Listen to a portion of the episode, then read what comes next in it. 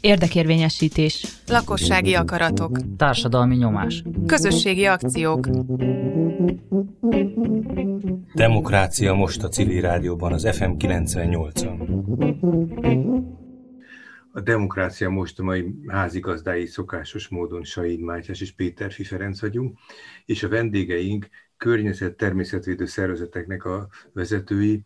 sor, sorba elmondom Sipos Katalin, aki a WWF Magyarországnak a, a vezetője, a Greenpeace-től Rodics Katalin, aki a, vendégünk most, és a levegő munkacsoporttól Lukács András. Egyenként különböző interjúkból persze hallgatóink már, vagy hallgatóink főként ismerhetik, vagy hallhattak már velük beszélgetést itt a civil rádióban de most valami sűrűsödést érzünk, az ember örülne, ha a jó dolgok sűrűsödnek hirtelen egy ilyen kérdésnél, de most nem erről van szó, hanem valahogy a környezet, természetvédelem, közlekedés, ami persze már mindezeknek a szinonimája, ezekkel kapcsolatosan nagyon sok problémát látunk, hallunk mostanában, és hát körülvesznek olyan globális problémák is, mint ami miatt éppen most mi Zoomon beszélgetünk, ez a pandémia is, amelyek hát nagyon szoros kapcsolatban, vagy áttételes, vagy közvetlen kapcsolatban vannak, úgy gondolom, a környezetünkkel kapcsolatos viszonyok, viszonyainkkal. Tehát erről tervezzük a beszélgetést. Először csak néhány szóban azt gondoltam, hogy ha kinek-kinek, amivel most találkoztam, közvetlenül aktuális ügye, azokat egy pár szóban jó lenne, ha összefoglalnánk, hogy utána megtaláljuk azt a közöset, amiről beszélni tudunk. Rodics Kati a Greenpeace-től, amit legutoljára olvastam, de több, több ilyen felvetésetek is volt, az a tiltakozása kőolajkút fúrása ellen az őrségben. Hát mi a baj ezzel a szelít kezdeményezéssel? Mondom iróniával nyilván. Hát ezzel nagyon sok baj van, tulajdonképpen eleve a kőolaj az, amit ki kéne vezetni ahhoz, hogy itt a klímaválság és, és egyben az ökológiai válság területén is valamit előre lépjünk. Tehát át kéne térni a megújuló energiákra, úgyhogy ez az egyik gond, a másik gond pedig az, hogy egy nemzeti park területén szeretik ezt megvalósítani, ami tényleg ebben a mostani időszakban, amikor, mint a bevezetőben is említetted, egy klíma és ökológiai vészhelyzetben vagyunk, úgyhogy mi nem is a válság szót szoktuk használni, hanem a vészhelyzet szót. Ráadásul itt van még egy nagyon komoly járvány körülöttünk, és igazán mi azt szerettük volna, és azon dolgozunk szerintem az összes civillel együtt, hogy most, amikor óriási összegeket is fordítanak arra, hogy végre más irányba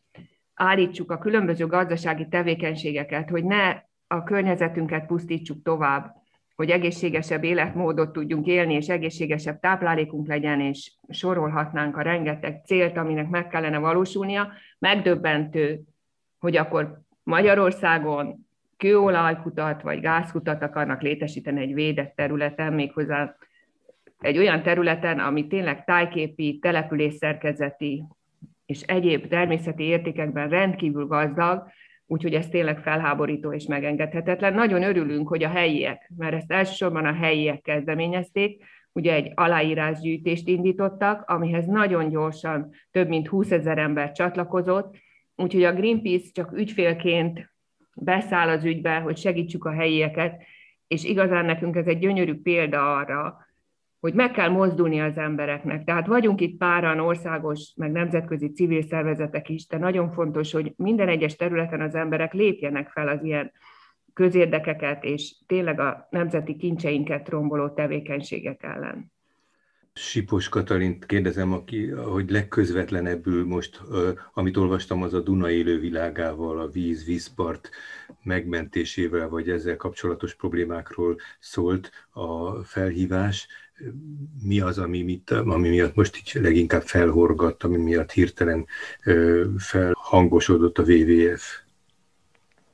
Hát a Dunával mindig van valami. Nem olyan nagyon régen volt a hajógyári sziget kapcsán egy, egy ügy, ahol ugye ilyen árvízvédelmi nagy beruházást tervezett a kormányzat, amiből aztán szerencsére visszalépett, és hát itt is csatlakoznék ahhoz, amit Kati mondott az előbb, hogy, hogy iszonyatosan fontos, hogy, hogy ezekbe az ügyekbe mi állampolgárok megmutassuk magunkat, és hát itt is az történt a hajógyári sziget esetében, hogy néhány nap alatt több mint tízezren csatlakoztak ahhoz a felhíváshoz, ami ellenezte ezt a beruházást, és így sikerült visszaléptetni ebből a, a, a kormányzati szereplőket. Most igazából egy, egy újabb nagy ügynek a kiinduló pontján vagyunk, itt ez is egy visszatérő, ez a hajózás fejlesztés a Duna vonatkozásában. Ugye ez a, ez a közlemény, ami nemrég megjelent, az elsősorban um, halfajok európai állapotáról szóró közlemény volt, de hát magyar vonatkozása ennek, tehát hogyha halfajok védelméről beszélünk, akkor beszélünk a kaviszátonyok, meg a természetes partok védelméről is a Dunán, és az egyik olyan beruházás, ami ezt veszélyeztetni tudja, az pont a hajózóult fejlesztés, itt ugyanis el. Hát ezeket a, az élővilág számára, meg a horgászok számára, meg a strandolók számára fontos sóderzátonyokat ezt egyszerűen hajózási akadályként tekinti a, a, a közlekedésfejlesztés, és hát nyilván ez az, ahol megint kompromisszumot kell találni, hogy mennyit ér meg természeti oldalon az, hogy még többet tudjunk szállítani.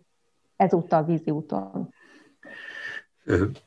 Lukács Andrást arról kérdezem, hogy a, a levegő munkacsoport legfrissebb ilyen tiltakozó megjelenése, vagy hulladékégetésnek a visszaszorítására irányul, de közben már itt aztán a többi szervezettel szinte koalícióban mondható, lehet, hogy néha egymástól függetlenül is itt a, a közlekedésnek, a szennyező autóknak, a, a,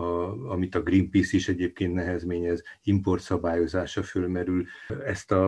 a hulladékégetés, ez persze most tavasszal, sejtem, hogy ez aktuális téma, de mi az, amitől most hirtelen mégis úgy gondoltátok, hogy meghalad minden szokásos inger küszöböt, hogy ez ügyben lépni vagy kezdeményezni kellene? A hulladékédegetés eh, problémájával a levegőmunkacsoport évek óta foglalkozik. Eh, rengeteg lakossági panasz érkezik hozzánk, és készült egy eh, reprezentatív országos felmérésünk is, ami egyébként a saját tapasztalataink is alátámasztanak, hogy nagyon széles körben elterjedt a hulladék égetés a lakosság körében,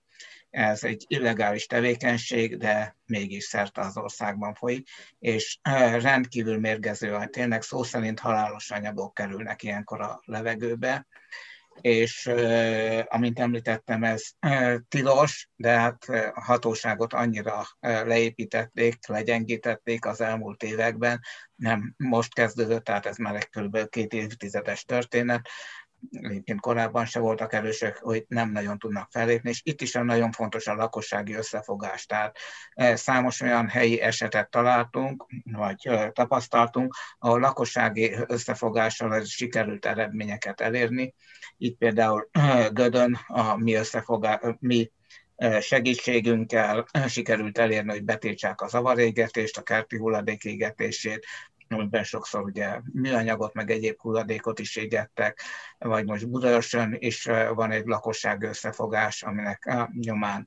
mérőeszközöket helyeztek ki, levegőminőség mérőeszközöket az óvodákhoz, és a zöld számot hoztak létre, hogyha valaki ilyet észrel, akkor azt be tudja jelenteni, és akkor kimegy a közterület felügyelet és a rendőrség, és megvizsgálja. Tehát nagyon fontosak az ilyen lakossági összefogások.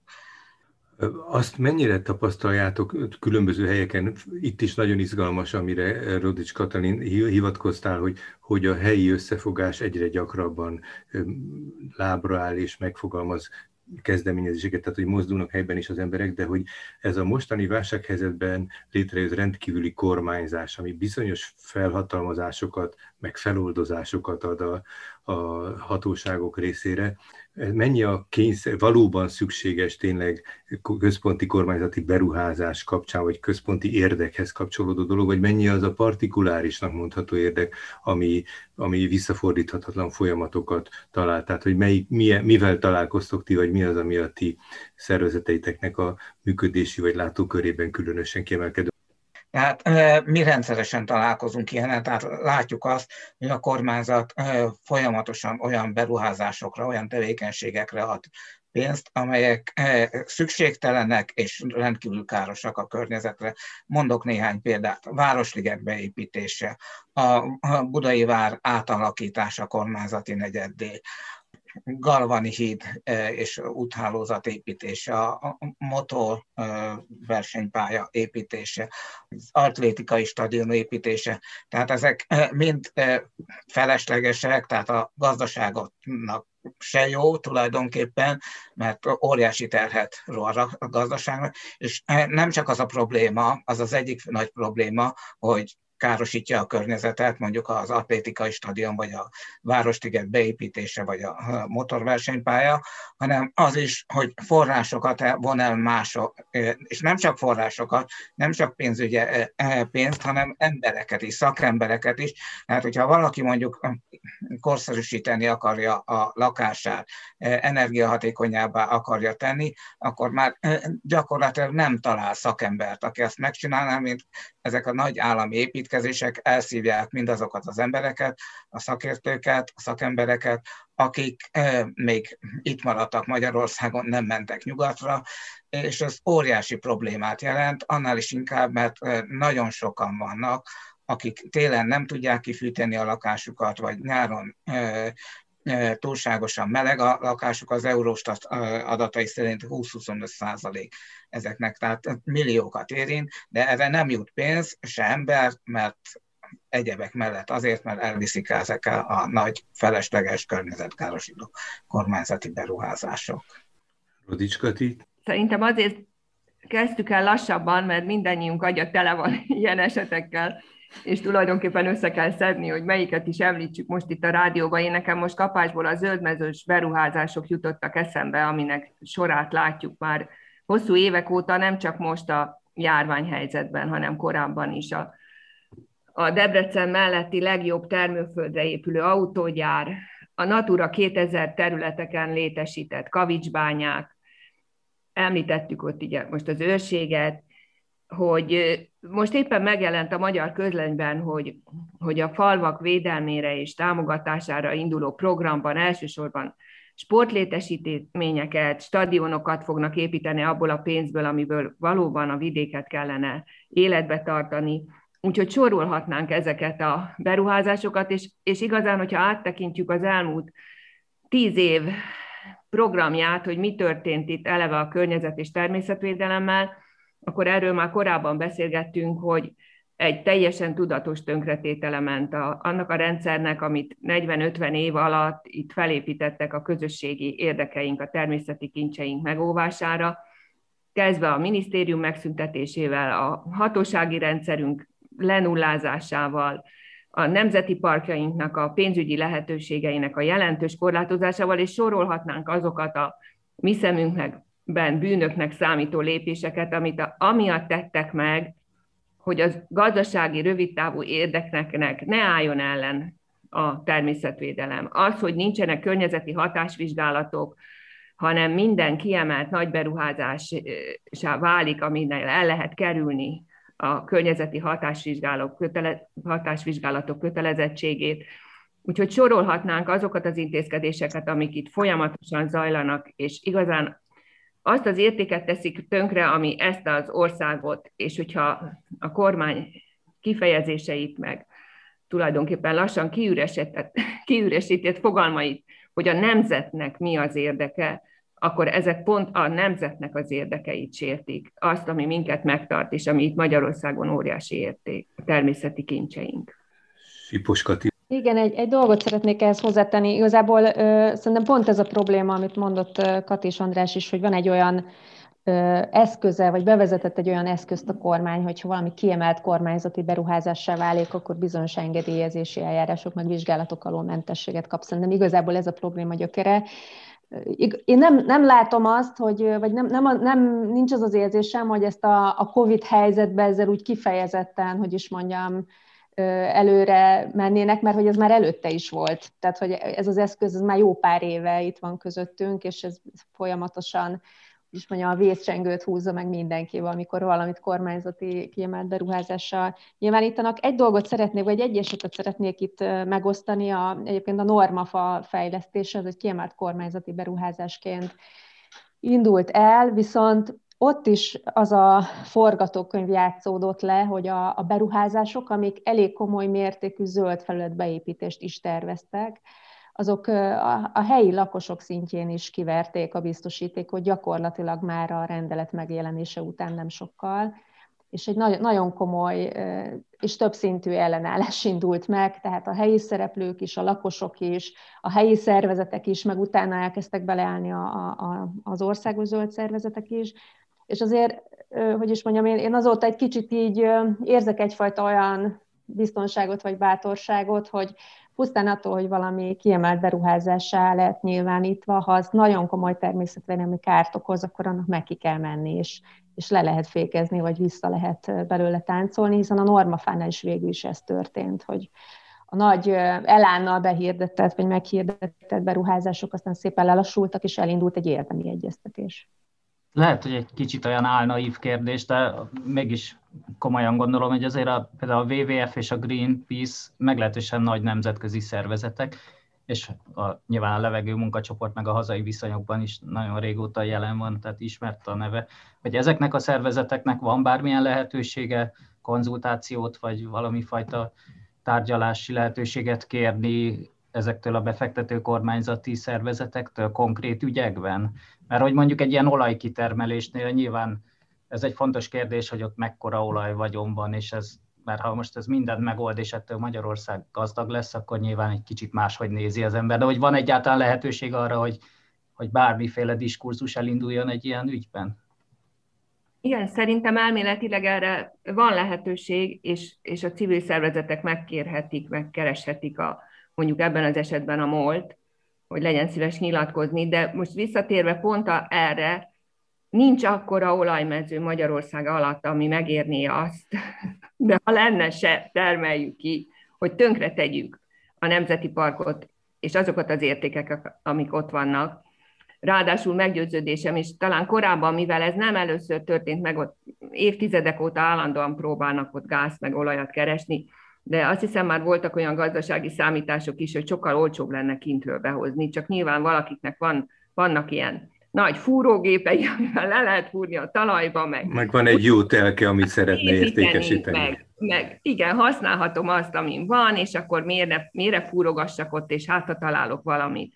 De most tényleg a klímaválságban az egyszerűen elfogadhatatlan, hogy még itthon olajat keresünk természeti értékek tönkretételével. De egy kicsit még visszakanyarodok,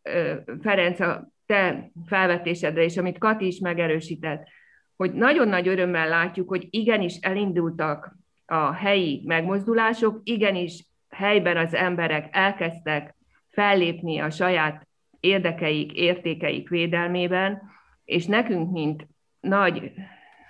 hazai nemzetközi szervezetek, szerintem az a kötelességünk, hogy őket segítsük és, és melléjük álljuk, de semmiképpen sem elvéve tőlük a győzelem örömét, mert igazán, ha itt sikerül a molt megfékezni az őrségben, ez ott egyértelműen a helyi emberek összefogásának köszönhető, és egy gyönyörű példája annak, amit Kati is mondott, hogy fel kell lépni, tehát itt most már elmúlt az idő, nincs több időnk arra várni, hogy majd valaki helyettünk ezt megoldja, mindenkinek fel kell lépni, minden értékpusztítás ellen, ugyanígy a Fertőtónál a nagy beruházás, ugyanígy a Tatai Öregtó, és sorolhatnánk a Balaton, a Velencei tó, mindenütt építkezni, és a parthoz közel a természeti értékeket pusztítva próbálnak valahol szállodákat és egyéb nagyon rövid távú, nagyon kis csoport érdekeket érvényesíteni a természet értékeivel szemben. Lukács András, valamire készültél? Igen, tehát valóban, tehát teljesen igaz, amit Sipos Kati mondott, hogy ez már a évek óta folyik, ez a jelenség, azonban most a pandémia alatt rendkívüli mértékben megnőttek az ilyen beruházások. Ugye tudjuk, hogy óriási összegeket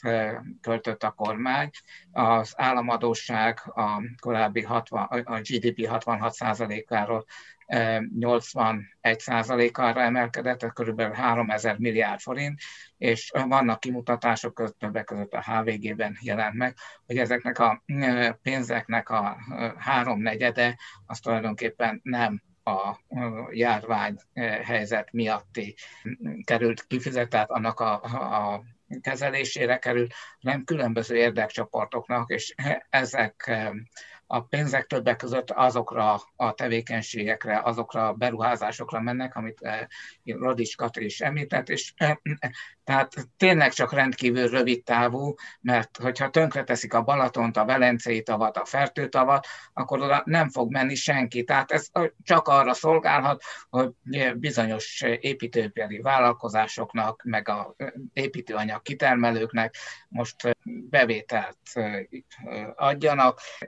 Nem az ország, de az, ezek a stadionok is, tehát ezért óriási nyersanyag kitermeléssel jár, rengeteg e-, energiafelhasználása, és utána ki fogja ezeket fenntartani.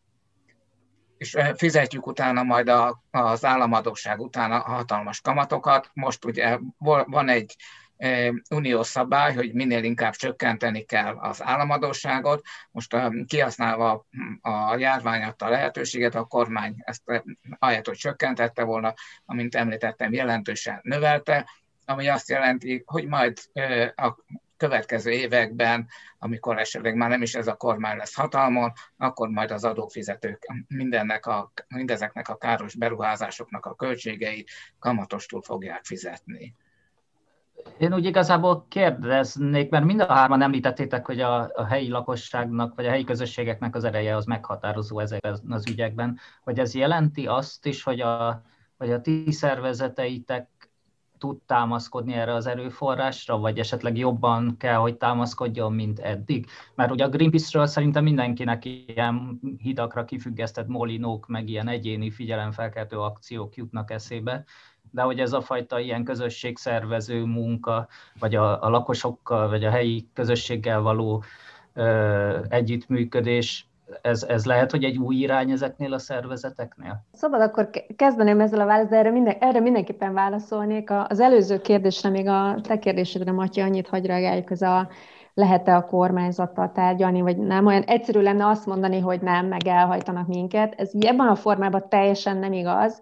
Az viszont igaz, hogy még amikor tudunk tárgyalni, akkor is nagyon kérdéses, hogy mi az, ami abból be is kerül, a, tehát a javaslatai milyen mértékben. Tehát nem, sokszor azt érezzük, hogy nem az a probléma, hogy egyáltalán nincsen semmilyen nyitottság a tárgyalásra, hanem az, hogy aztán elérünk egy falat, és mindegy, hogy milyen okos érveket viszünk, valahogy nem ezek döntenek adott ügyben. És ami még nagyon gyakran látható, hogy egész jó stratégiák vannak időnként, tehát mondjuk megnézi az ember a Nemzeti Környezetvédelmi Programot, vagy megnézi az ember a Nemzeti Éghajlatvédelmi Stratégiát, hogy milyen intézkedések vannak abban listázva, ezek nem rossz stratégiák, csak amikor a konkrét döntéseket nézzük meg, hogy mire mennek a pénzek, milyen típusú beruházásokra, akkor valahogy a,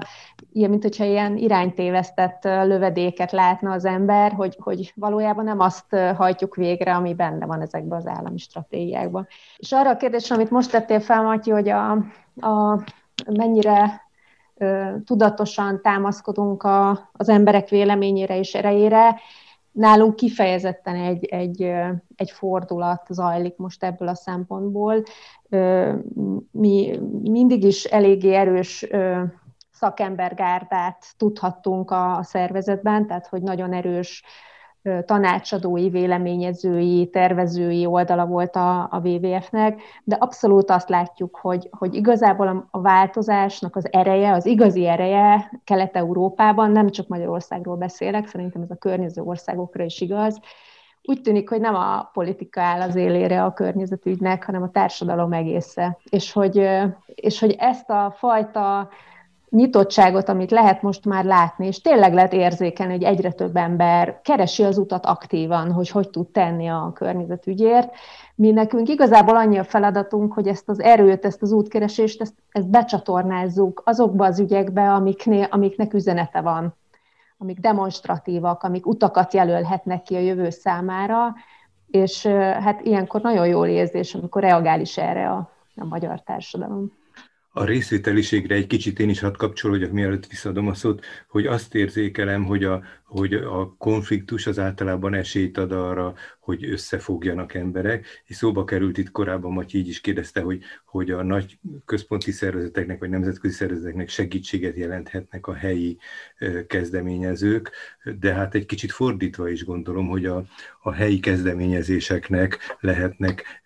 támaszai, vagy ugródeszkái a nagy szakmai szervezetek, tehát itt egy kölcs, nagyon erős kölcsönösség van. Matyinak a kérdésére reagálnék, és egyben ez arra is utal, amit Feri, te mondtál. A Greenpeace az ugye csak magánemberektől fogadott el mindig is pénzt, ugye most lesz 50 éves a szervezet, és ez az egyik legbölcsebb döntése volt az alapítóknak, hogy teljesen függetlenek legyünk, és ne legyünk kiszolgáltatva, kiszolgáltatva senkinek, hanem a saját magunk döntését hozzuk. Ebből adódik, hogy nekünk rendkívül fontos volt mindig is az emberekkel való kapcsolatteremtés, a ő tájékoztatásuk. Itt az elmúlt tíz évben, ez, ez nem titok, ahogy a média lehetőségek szűkültek, a, a Greenpeace-nél itthon egy nagyon határozott törekvésé vált, hogy akkor legyünk mi az a hírforrás, ahonnan az emberek legalább a környezet és természetvédelmi témákban megkapják a megfelelő híreket, adatokat, információkat. Legyünk mi, legyetek ti a, a média legyünk mi egy kicsit a média, amit kiszorítottak a rádiókból, televíziókból és a sajtóból a természetvédelem, környezetvédelem területén, és ezért a Greenpeace nagyon nagy erőfeszítéseket, és nagyon sok kollégám dolgozik azon, tehát nagyon erősen azon dolgozunk, hogy, hogy igenis az emberekkel való kapcsolat meglegyen. Hát közel száz aktivistánk van, ami nekem mindig óriási erőt ad, ha arra gondolok, hogy Régebben csak a fiatalok, és nagyon érdekes, hogy most már a 90 éves bácsitól a, tényleg a 14 éves gyerekekig minden korosztály részt vesz az aktivistáinkban, mi őket képezzük, rendszeresen programokat adunk nekik, és ők a szabad idejüket áldozzák arra, hogy nekünk segítsenek a különböző munkánkba, úgyhogy ez egy abszolút fontos és mindig is meghatározó célja volt a Greenpeace-nek. András? A levegő munkacsoportról uh, annyit, hogy a kezdetektől fogva ugye, egy ilyen szövetség voltunk, tehát um, sok tagszervezetünk volt, most ugye 2010 óta egyre kevesebb, de azért most is van körülbelül 40, a leg, legtöbb a csúcson 132 volt, és hát rengeteg helyi ügyben vettünk részt a legkülönbözőbb témákban, üzemek létesítésével kezdve a útépítésig nagyon sok helyi megmozdulást segítettünk, és tényleg ott értünk el mindig sikert, ahol a lakosság aktív volt. Egyébként van egy tanácsadó irodánk is, rengeteg panasz érkezik meg, tehát első kézből kapjuk az információt, másrészt hát amennyire lehet, most sajnos sokkal kevésbé, mint korábban, az anyagi források beszűkülése miatt, de időnként igyekszünk a helyszínre is kimenni, és ott is tájékozódni. Felvetem, hogy az a cselekvés, ami egy környezeti természetvédelmi ügyben a helyi akaratot, a helyi mozdulatlanságot fölszámolja és elindítja, mocintja, ahogy a székelyföldi kollégáink szokták ezt a szót használni a, a cselekvések elindítására, hogy ez azért is fontos talán a társadalom egész szempontjából, mert más területen is mintát ad, mint a követésre kínál, az egészségügytől a kulturális ügyekig, tehát hogy amit a környezetvédelem talán az, az egyik legprimérebb mozgást előidéző terület lehet a civil közösségi cselekvésben, de hogy ez egy, egy mintát ad és egyfajta tanulást jelenthet. Látjátok-e ti is ezt, és hogy fogadják-e szívesebben a, a helyi szervezetek azt, hogy tanácsokat adjanak, hogy adjatok, hogy, hogy építkezzetek, hogy felkészítsetek, kép, képezetek ki fiatalokat, amiről, amire persze már közben András is, meg ti is már utáltatok. Teljesen egyértelműen nagyon örülnek, ha segítünk, és nyilván egy nagy nemzetközi tapasztalat, hogy hogy lehet az ügyekhez hozzáállni, hogy milyen jogi lehetőségek vannak, hogy hogy, hogy kell viselkedni egyáltalán, hogy, hogy ne erőszakosak legyenek. Ugye a, Greenpeace az erőszakmentes szervezet, és mint mindannyian, tehát itt, akik itt vagyunk, mindannyian, de erre is meg kell tanítani az embereket, hogy hogy, hogy lehet úgy elindítani az ügyet, hogy valóban győzelemre lehessen, vagy legalábbis megpróbáljuk győzelemre vinni. Úgyhogy a helyi szervezetek keresnek is minket, rengeteg helyi ügy hozzánk, és nyilván a, a többi civil szervezethez is beérkezik, nagyon sok apróbb, nagyobb ügy, úgy inkább az a baj, hogy, hogy hogy tudunk mindenütt ott lenni, vagy legtöbbeknek segíteni, mert tényleg felháborító dolgok történnek. Dunavarsány mellett most töltik föl a Sóderbánya tavakat, a budapesti épületek azbestos törmelékével, jönnek a levelek, csinálni kéne valamit, de minden ügy mellé nyilván nem tudunk odaállni, de, de az, hogy, hogy segítjük és képezzük őket, az egy alapvetően fontos feladatunk. Én itt egy picit meg szeretném dicsérni a levegő munkacsoportot, mert soha nem beszélünk arról, hogy tulajdonképpen ők hősiesen egy magyar civil szervezetként működni tudnak egy rendkívül nehéz körülmények közötti időszakban, és egyre nehezedő időszakban, mert mi szerintem a Greenpeace is és a WWF is viszonylag biztonságban dolgozunk egy nagy nemzetközi háttérrel, de az, hogy egy magyar civil szervezet él, működik, annak ellenére, hogy, hogy a forrásokat ennyire meggyírválták, az tényleg fantasztikus, úgyhogy ezúton is gratulálok neked, Anna, ez tényleg fantasztikus eredmény. A részvételiségnél tartottunk, és ehhez még hadd tegyem hozzá, vagy kérdezem egyúttal, hiszen ezeknek a problémáknak, amelyekkel a leggyakrabban találkoztuk, és amikről most is beszéltünk, ezeknek jó része önkormányzatokhoz is kapcsolódik, és hogy egy a 2019 óta, minthogyha lenne a önkormányzatok egy részénél a részvételiségben egy új, új kezdeményezés, egy új szín. Ti találkoztok ezzel, hogy egyre több helyen nem civil referens, akinek megszelidíteni kell a civileket az önkormányzat irányába, hanem olyan típusú szervezeti egység jön létre, amelyik sokkal nyitottabb, talán, meg so, sokkal érzékenyebb a civilek bekapcsolására. Tehát, hogy találkoztatok -e ezzel, vagy ezek segítik-e a ti kezdeményezéseiteket? Van-e kapcsolat, vagy friss kapcsolat, ami korábban nem volt jellemző, vagy másmilyen típusú kapcsolat a helyben illetékes önkormányzatokkal, azzal zárójelben, hogy persze a helyi önkormányzatoknak is erősen szűkülő a mozgástere. Igen, mi elég sokat dolgozunk együtt önkormányzatokkal, elsősorban egyébként klímaadaptáció témakörbe, tehát hogyan lehet felkészíteni egy települést arra, hogy mhm. az extrém időjárási körülmények, a villámárvizek, az asszály vagy hasonlók ellen küzdeni tudjon. A, amit látunk, az az, hogy egy csomó önkormányzatnál tulajdonképpen ilyen ötletésség van, tehát ott vannak szándékok, hogy szeretnének valami jót csinálni, egy csomó polgármester személyesen is elkötelezett, hogy mondjuk környezetvédelemben, klímavédelemben valamit lépjen, és az nehéz, hogy összetalálkozzon egy, egy ebben tanácsot adni tudó szervezet, meg az az önkormányzat, aki a sokból készen áll arra, hogy lépjen is. Úgyhogy, úgyhogy itt nekünk az a tapasztalatunk, hogy, hogy hát nem, nem merem ezt általánosítani. Tehát, hogy nem merem azt mondani, hogy Magyarország 3000 sok településének mindegyike így működik, de hogy van szabad szemmel látható része, akikkel lehet együttműködni, az, az egészen egyértelműen látszik. Egyébként nekünk Európai Uniós projektjeink is vannak, ahol az önkormányzatok konkrétan már megvalósítanak például olyan helyi vízvisszatartásokat, ahol a, a települések területén belül kisvizes élőhelyet hoznak létre azért, hogy a csapadékvizet helyben tartsák, vagy mondjuk egy tisztított szennyvizet helyben tudjanak tartani. És hát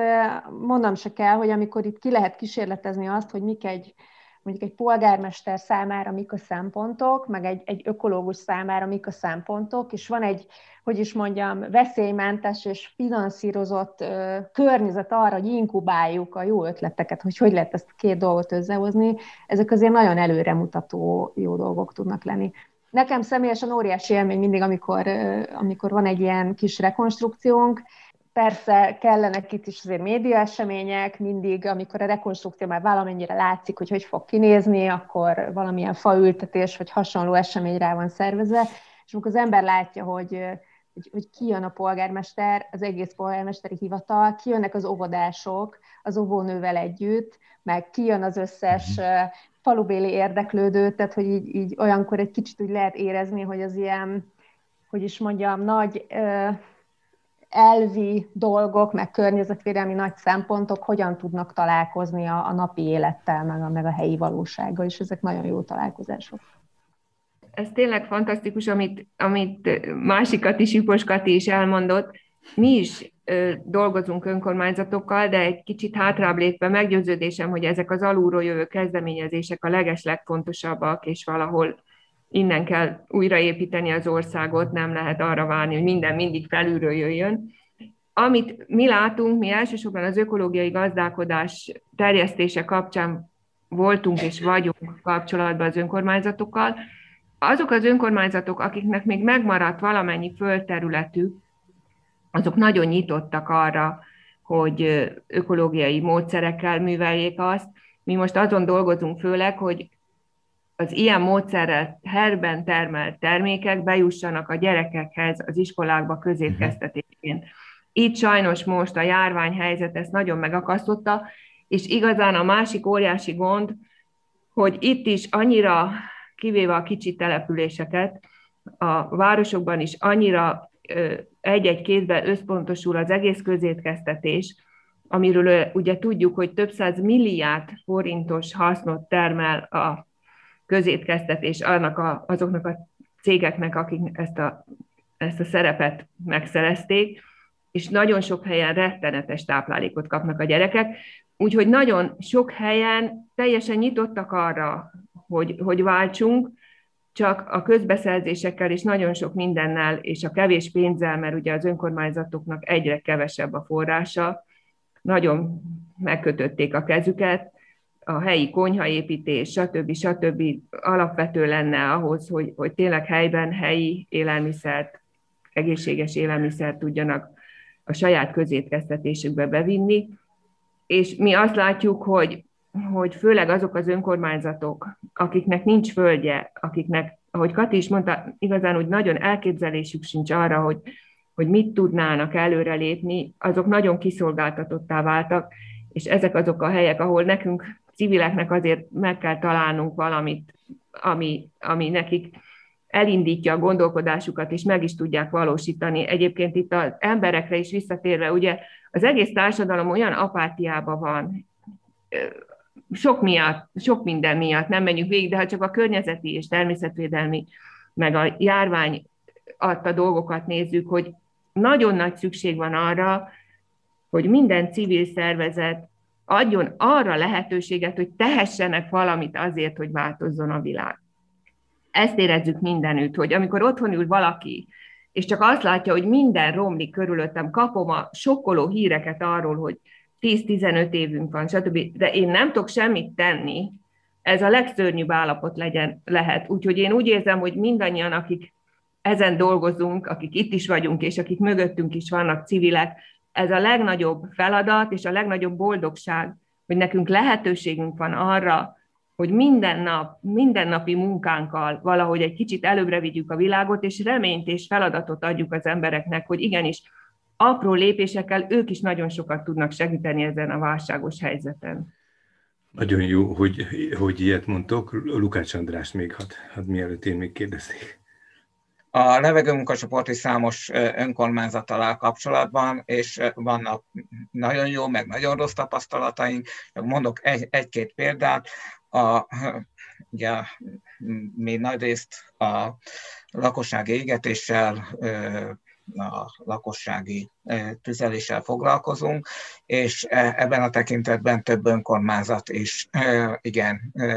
kedvező lépéseket tett. Csak egy, konkrét példa, Török Bálint önkormányzata elősegítette és részben finanszírozta, hogy különböző helyekre 35 olcsó légszennyezős mérő készüléket kell helyezzünk ki, ami azt jelenti, hogy egyrészt tudatosságot növel, ez a fő eredménye, a másik pedig, hogy azért tényleg tudni fogják az emberek, hogy milyen éppen az adott pillanatban a levegő minősége, és esetleg annak megfelelően cselekedhetnek. Egy másik példa a főváros és a kerületi önkormányzatokkal elsősorban a közlekedés és a közterület használat terén működünk együtt, ami meg szintén voltak kedvező eredményei, különösen az utóbbi egy-másfél évben. Itt erre irányul a beszélgetésnek a mostani szála, és az utolsó percekben hadd kérdezek arról, hogy annyira evidensnek tűnik, persze ezt sokan elmondják, hogy, hogy a legnagyobb problémáink itt a, az ökológiai egyensúly, a biodiverzitás megvonulása, a klímaválság, a vírusveszély, hogy ezeknek valószínű mindegyik a, a komplet megoldást jelenteni, miközben nagyon fontos, amikről itt az utóbbi percekben beszéltünk, azaz a, a helyi, a lokális erőfeszítéseknek a megtétele, de hogy itt, hogy itt valami összefo, átfogó, összefogó lépésekre lenne szükség, és most látom, hogy megjelent a napokban az Egyensúly Intézetnek egy szakmapolitikai ajánlása, ami kimondottan a, a környezettel kapcsolatos, vagy volt a Magyar Természetvédők Szövetségének ez az Életigenlő Társadalom című összefogása, vagy kezdeményezése. Tehát, hogy látszik, hogy vannak ilyen lépések. Mit láttok hogy szóval mi az, ami még megtehető lenne, ami, ami egy kicsit a különböző szereplők között egy szinkronizálásban segíthetne? Láttuk-e ilyet? Tehát... Én azt hiszem, hogy, hogy nagyon jól együtt dolgoznak a hazai civilek ezekben a témákban, és nagyon jól lefedjük a különböző aspektusait ennek a kérdésnek. Az a legfontosabb, hogy minél nagyobb tömegbázis szerezzünk közösen arra, hogy a döntéshozókat befolyásoljuk, és rá kényszerítsük arra, hogy valóban meghozzák azokat a döntéseket, ami ami alapvetően megváltoztatja a jelenlegi gazdasági tevékenységeket. Tehát itt a mezőgazdaságot át kell alakítani, az energetikát át kell alakítani, a ösztönzőket, a támogatások elosztását át kell alakítani, minden olyan, minden területet, ugye az Európai Uniónak megszületett ez a zöld megállapodása, ami előírja azt, hogy, hogy valóban ez európai szinten változzon, mi azt mondjuk, hogy a válság esély tehát most, amikor újraindítunk óriási összegekkel, és az Európai, Európai Unió 20 milliárd euró per év összeget különített el arra, hogy a biológiai sokféleség védelmében szülessenek valóban előremutató kezdeményezések, nyilván a pályázati pénzek fognak jönni, de hát ezeket el kell érnünk, és itt ebben a nagy civileknek komoly szerepük van, hogy ezeket tényleg arra fordítsák, ami jobb irányba tereli a világot. De ami abban a legbiztatóbb, és csak egy mondatot erről még mondok, hogyha megnézzük ezeknek a válságoknak, a gyökere ugyanaz, hogy úgy élünk, hogy fenntarthatatlanul, tudom, hogy ez egy elcsipelt fogalom, mindent felélünk, pazarlunk, tönkretesszük a természetet fölöslegesen. Tehát valójában, ha normális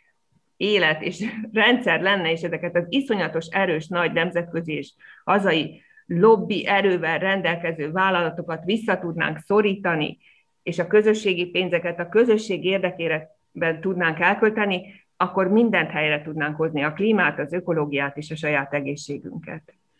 Sipos Katalin, lassan a végéhez érünk. Köszönöm, csak annyi, annyit szeretném mondani, hogy abszolút rá, rátapintottál a lényegre ezzel a rendszer, rendszer szintű megoldás problémával. Ez a környezetügynek szerintem a legnagyobb kihívása, hogy itt nem arról van szó, hogy egy vagy két vagy három dolgot megcsinálunk, és akkor megoldva a probléma, hanem párhuzamosan